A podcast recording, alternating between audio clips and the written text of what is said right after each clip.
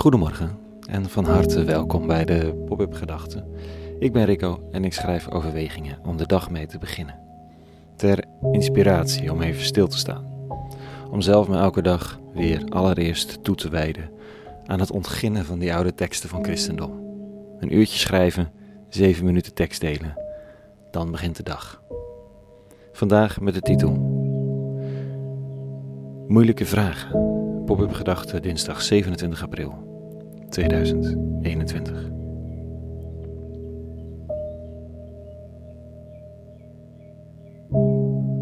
Ben je wel te vertrouwen? Hm. Dat is wel zo'n vraag in de categorie moeilijke vragen. Want hoe geef je daar in vredesnaam antwoord op? En het feit dat er naar gevraagd moet worden, is dat al niet een teken dat er iets aan schort? Goed, in andere situaties is de vraag: kan ik je vertrouwen? Juist een teken dat je al vertrouwd wordt. Dan is het niet meer dan een inleiding als: ik ga je een geheim toevertrouwen en je moet het voor je houden, anders vertrouw ik je niet meer. Maar als er met argwaan gevraagd wordt of je betrouwbaar bent, wat zeg je dan? Je kunt een heel ferm ja zeggen, maar wat koopt iemand voor dat antwoord? Je hoort al het cynische ja ja volgen op je eigen ferme ja. Nog zo'n vraag. Hou je wel van me? Zo'n vraag waar de woorden in tekort schieten. Tenzij het een nee is, want die verwachting komt eigenlijk al mee in de vraag. Een ja op zo'n vraag is simpelweg niet genoeg. Net als de vraag naar wie je bent. Vroeger, voor corona, kreeg je die vraag nog wel eens op feestjes. En dan zei je maar wat: je naam, je beroep, je studie. Wie ben je? Nee, dat je een vriend was van. Maar geef er eens een antwoord op de vraag wie je bent. Vandaag in de categorie moeilijke vragen een vraag aan Jezus van Nazareth. Dit staat er. De Joden kwamen in een kring om hem heen staan en zeiden hem: Hoe lang houdt u ons nog in spanning? Als u de Messias bent, zeg het ons dan ronduit.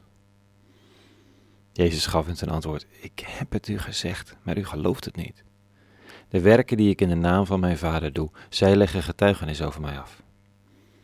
Uit het boek Johannes, hoofdstuk 10. Na eeuwens antisemitisme in Europa, ook door de christelijke kerk, is het moeilijk om hier te lezen de Joden, die dan in een kring om hem heen komen staan. Johannes de schrijver is zelf Joods, dus hij zal het volk bedoelen of de leiders, geen idee. In elk geval is er de vraag of hij nu de lang verwachte, de beloofde, de revolutionair, degene die alles zou omkeren, de bevrijder van de overheerser, kortom, of hij de Messias was. Net zo niet te beantwoorden vraag als die naar betrouwbaarheid en naar de liefde. Dus verwijst de man van Nazareth naar het enige waarnaar hij kan verwijzen, naar wat hij doet. Die dingen waar hij van zegt dat hij ze in opdracht van de eeuwige zelf doet, die hij Vader noemt. Dat gaat over bizarre hoeveelheden eten delen uit het niets, over genezingen en wonderbare visvangsten. Niet het onmogelijk is daarin de sleutel, overigens, maar de verwijzing naar de goddelijke goedheid.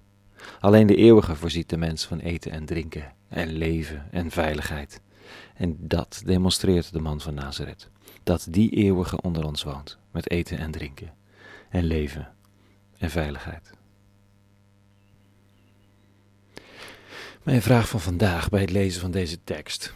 Als iemand mij de moeilijke vraag stelt naar wie ik ben en of ik betrouwbaar ben en of ik lief heb, kan ik dan verwijzen naar mijn daden, naar wat ik doe als roeping in het leven, matchen mijn keuzes met mijn hoop.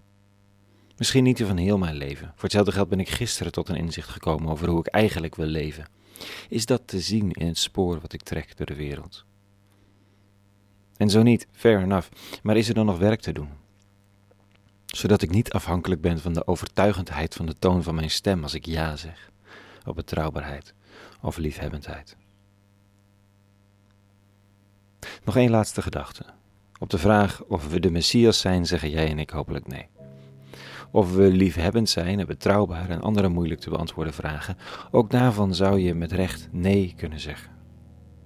Want hoe vaak en in hoeveel gevallen ben ik dat niet? Verwacht niet van mij meer dan ik ben.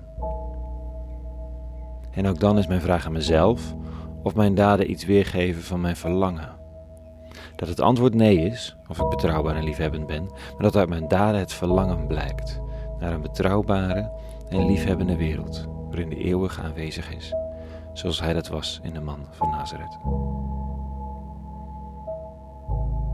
Tot zover de dinsdagochtendbespiegelingen, tijdens een majestueus koninklijke zonsopgang trouwens. Een hele goede dag gewenst vandaag. Vrede en alle goeds.